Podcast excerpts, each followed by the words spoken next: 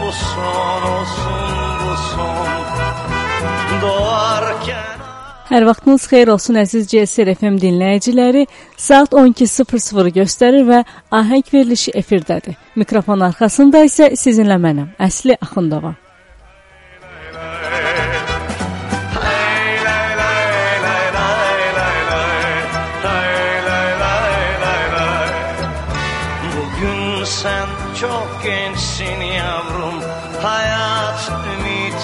Neşe dolu Mutlu günler vaat ediyor. Sana yıllar ömür boyu Ne yalnızlık ne de yalan Üzmesin seni. Doğarken ağladı insan Bu son olsun bu son Bəli, əziz dinləyicilər, bu həftə də ənənəmizə sadiq qalaraq sizinlə bir musiqiçinin yaradıcılığı və həyatından bəhs edəcəyik. Bu dəfəki haqqında danışacağımız şəxs isə ifadan sonra sizə təqdim edəcəm.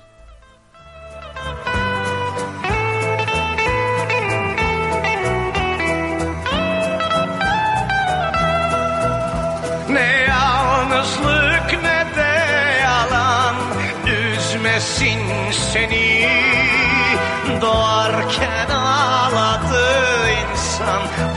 Son olsun bu son.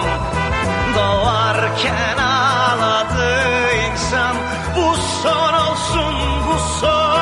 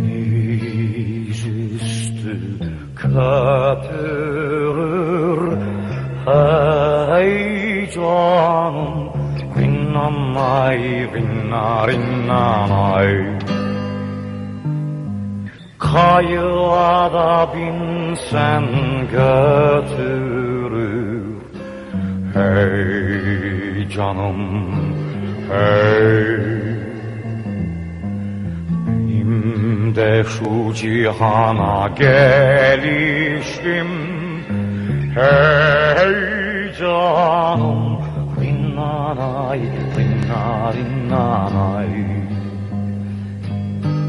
Bir güzelden Bəli, dinləyicilər, bu gün danışacağımız şəxs Türkiyə rock ifaçısı, Türkiyə rock musiqisinin ən tanış, tanınmış nümayəndələrindən və Anadolu rock üslubunun yaradıcılarından biri Cem Karacadır.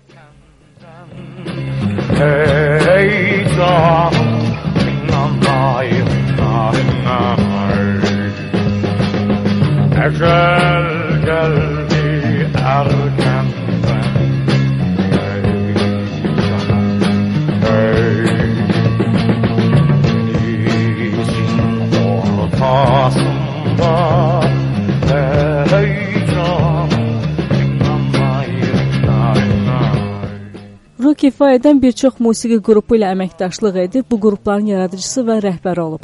Türkiyədə rock mədəniyyətin yayılmasında böyük rol oynayıb. Türk dilində rock ifa edən ilk ifaçılardandır. İfalarında ictimai və siyasi məzmunlu mövzulara toxunan musiqiçi özünə xas üslubu ilə digər ifaçılardan fərqlənir. Memleket sevdasından Hey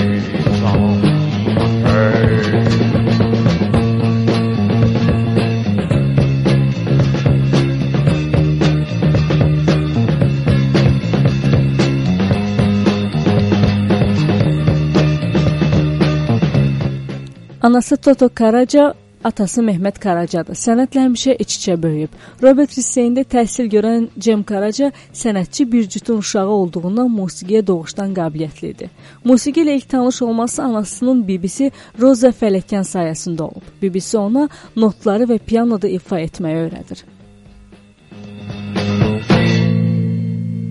Benim de bu cihandan gidişim heyecan Rinnanay, rinna rinnanay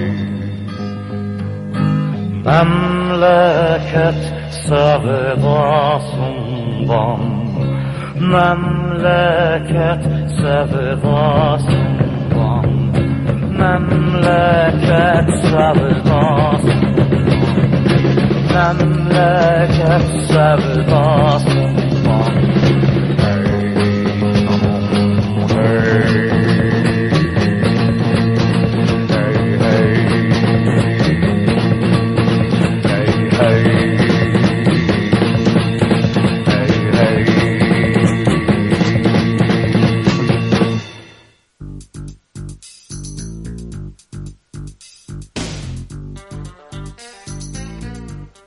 1962-ci ildə Beyoğlu İdman klubunda yoldaşlarının istəyinə görə mahnı oxuyur. Yoldaşları ilə səhnəyə çıxan Karaca daha sonra qrup qurmağa qərar verir. Qrupa o dövrün məşhur sənətçilərindən İlham Gəncər dəstək olur. Cem Karacanın ilk qrupu 1963-cü ildə Dinamiklər oldu. Atası ilə Karacanın musiqi ilə maraqlanmasına qarşı idi. Ancaq Karaca bunlara baxmayaraq musiqini buraxmadı. Qrup olaraq Elvis Presley kimi məşhur rock and roll sənətçilərinin klassiklərini ifa edirdilər. 1963-cü ilin sonunda isə qrup dağılır. Bakma öyle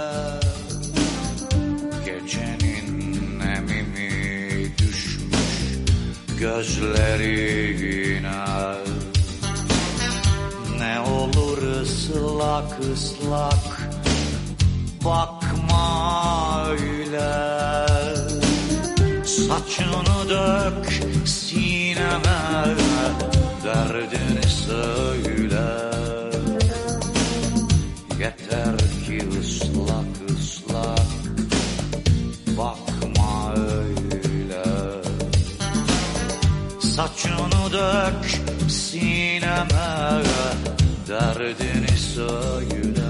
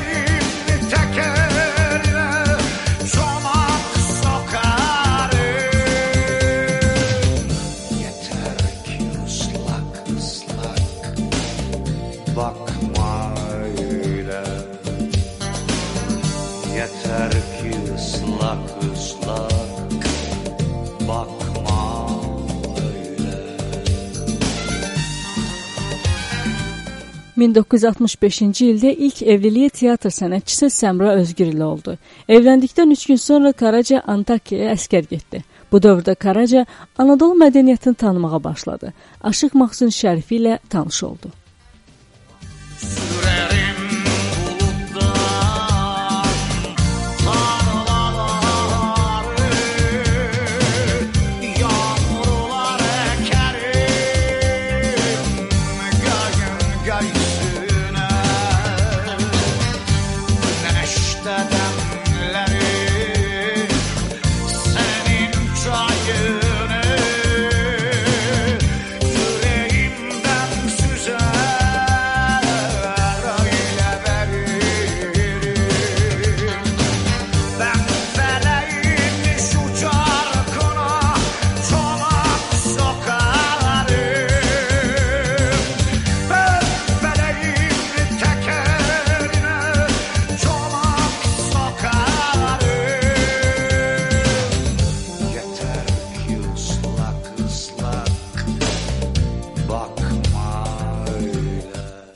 Cem Karaca əskərlikdən sonra 1967-ci il fevral ayında gitarçı Mehmet Soyarslanın qurduğu Apaşlar qrupu ilə tanış oldu. Apaşlar daha əvvəl qərb tərzi musiqisi yaratmaq istəyirdilər, ancaq Karaca ilə tanış olduqdan sonra musiqi daha şərq mədəniyyətindən izlər daşımağa başladı. Karaca qrup ilə birlikdə Qızıl Mikrofon müsabiqəsinə 1967-ci ildə yenə qatıldı. Müsabiqəyə Emrah mahnısı ilə iştirak etdilər. Müsabiqədə Karaca ikinci oldu. Ancaq birinci qrupdan daha çox diqqət yetirdilər. O zaman resmime gör akan o yaşları.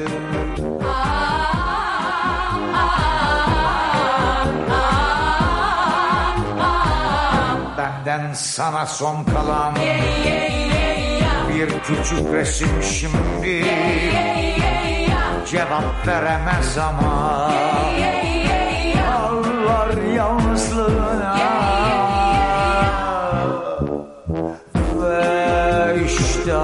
kalan bir avuç an şimdi. Koyup da bir başıma bırakıp gittin beni.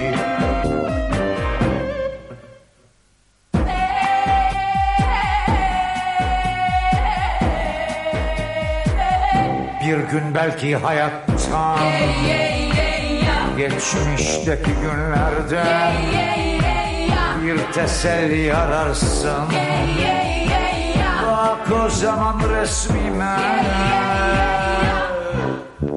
Sen yalnız değilsin. Biliyorum neredesin. Bu üzerdi beni Yaşasaydım ve görseydin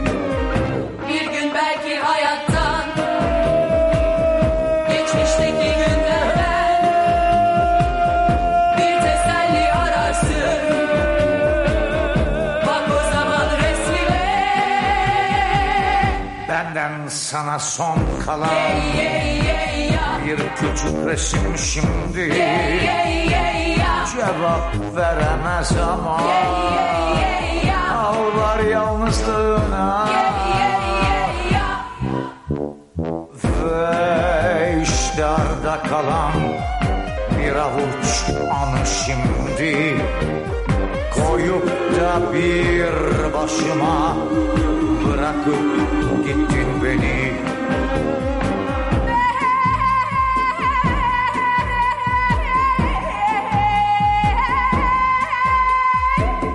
Bir gün belki hayattan Geçmişteki günlerde Bir teselli ararsın. Bak o zaman resmime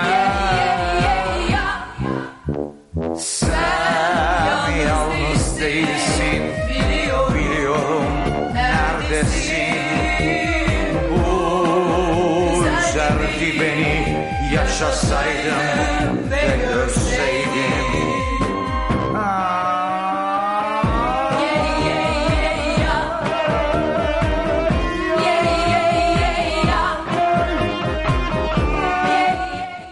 Apaçlar devri bittikten sonra bir grup ile musikiye devam etmek isteyen Karaca, Apaçların bas gitarçısı Seyhan Karabay ile Kardeşler grubunu kurdu.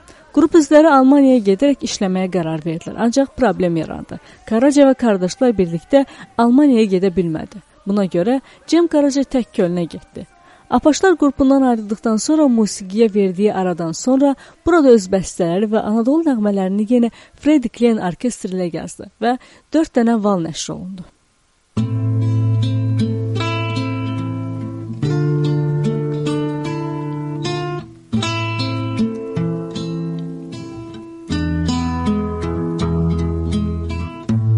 Büryan geldim gene Üryan giderim.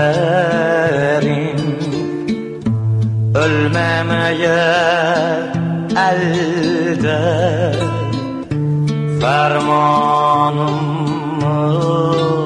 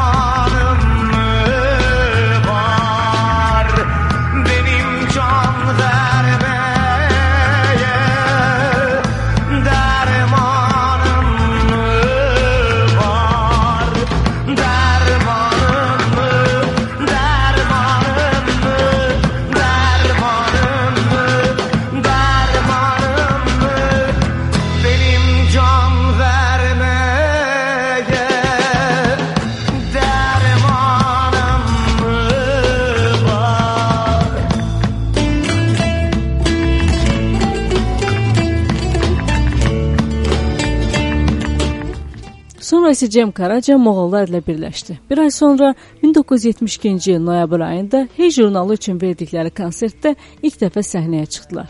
İl sonunda Milliyyət qəzetinin anketində Cem Karaca ən yaxşı kişi müğənnilər siyahısında ikinci oldu. Moğollar isə ən yaxşı yerli qrup seçildi. Hey jurnalında isə ikisi də öz sahələrində birinci yer tutdu. korku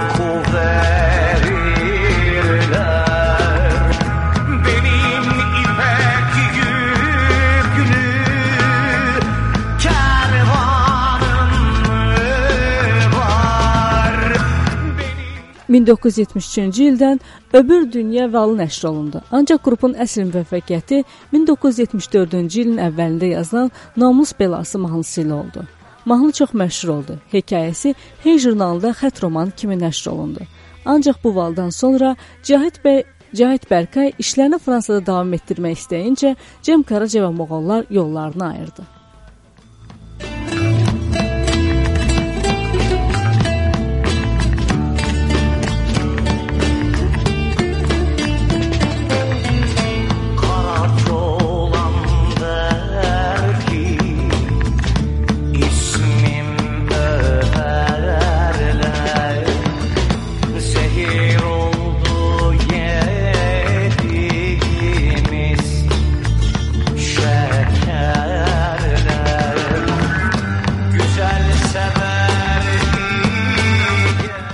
Moğollardan ayrılan Cem Karaca əvvəl Fransaya getməyə Moğollar qrupunun üzvləri Mithat Danışan və Turhan Yüksələr ilə Karasaban qrupunu qurdu. Amma bu qrupun ömrü də uzun olmadı. Sevdiğim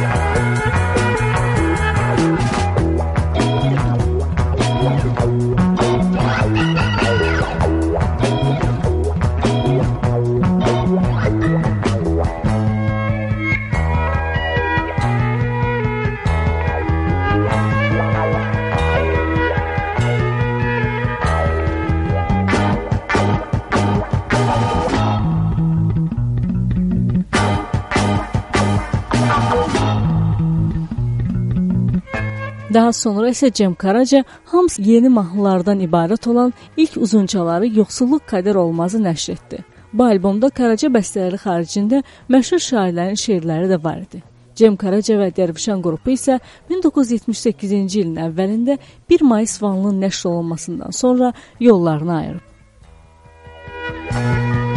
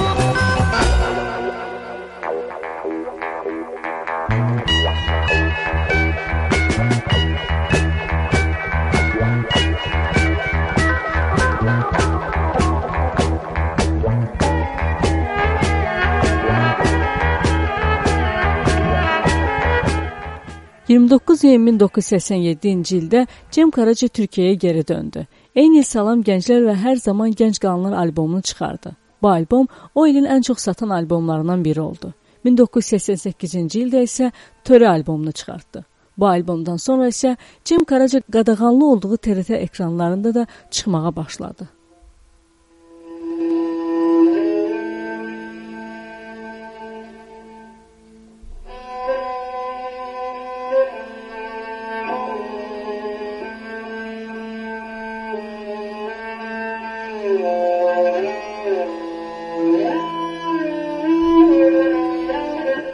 Cem Karaca 2001-ci ilin fevral ayında Murad Toz, Barış Gökər və Çingiz Tuncəllə Cem Karaca trio olaraq səhnəyə çıxmağa başladı. 2001-ci ilin may ayında isə Barış Mançonun vəfatı ilə vokalistsiz qalan Kurtalan Ekspres ilə birlikdə çalmağa başladı. Harbi açıq hava konsertlərində səhnəyə çıxdılar. 2002-ci ildə Yol Arkadaşları adlı qrupu qurub onlarla səhnəyə çıxdı. Son illərdə barlarda səhnəyə çıxırdı. Beni bekleme kaptan. Seyir defterini başkası yazsın. Seyir defterini başkası yazsın Çınarlı, kubbeli, mavi bir liman Beni o limana çıkaramazsın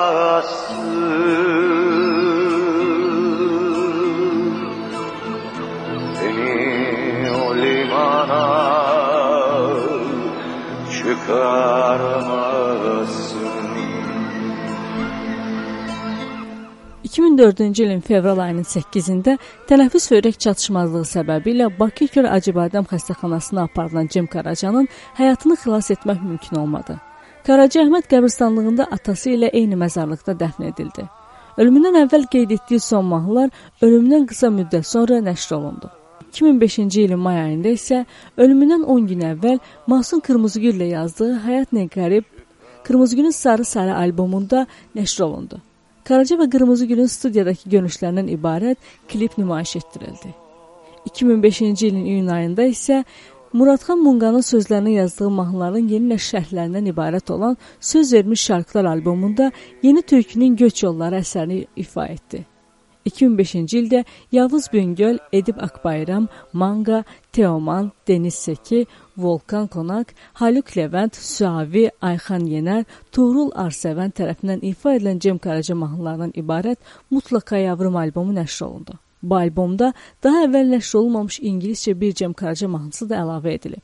Ölümünün 6-cı ilində Beyaz Showda daha əvvəl nəşr olunmamış Qara Gözlüm adlı mahnısı ilk dəfə gün üzünə çıxıb.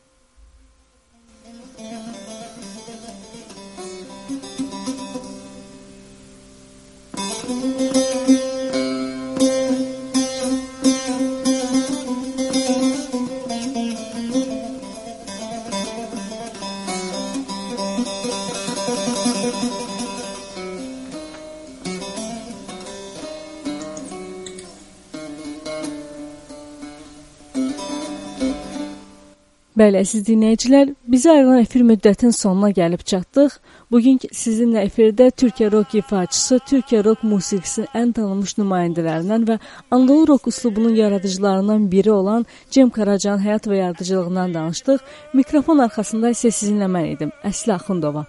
Növbəti efirlərdə eşidilmək ümidi ilə xudahafiz.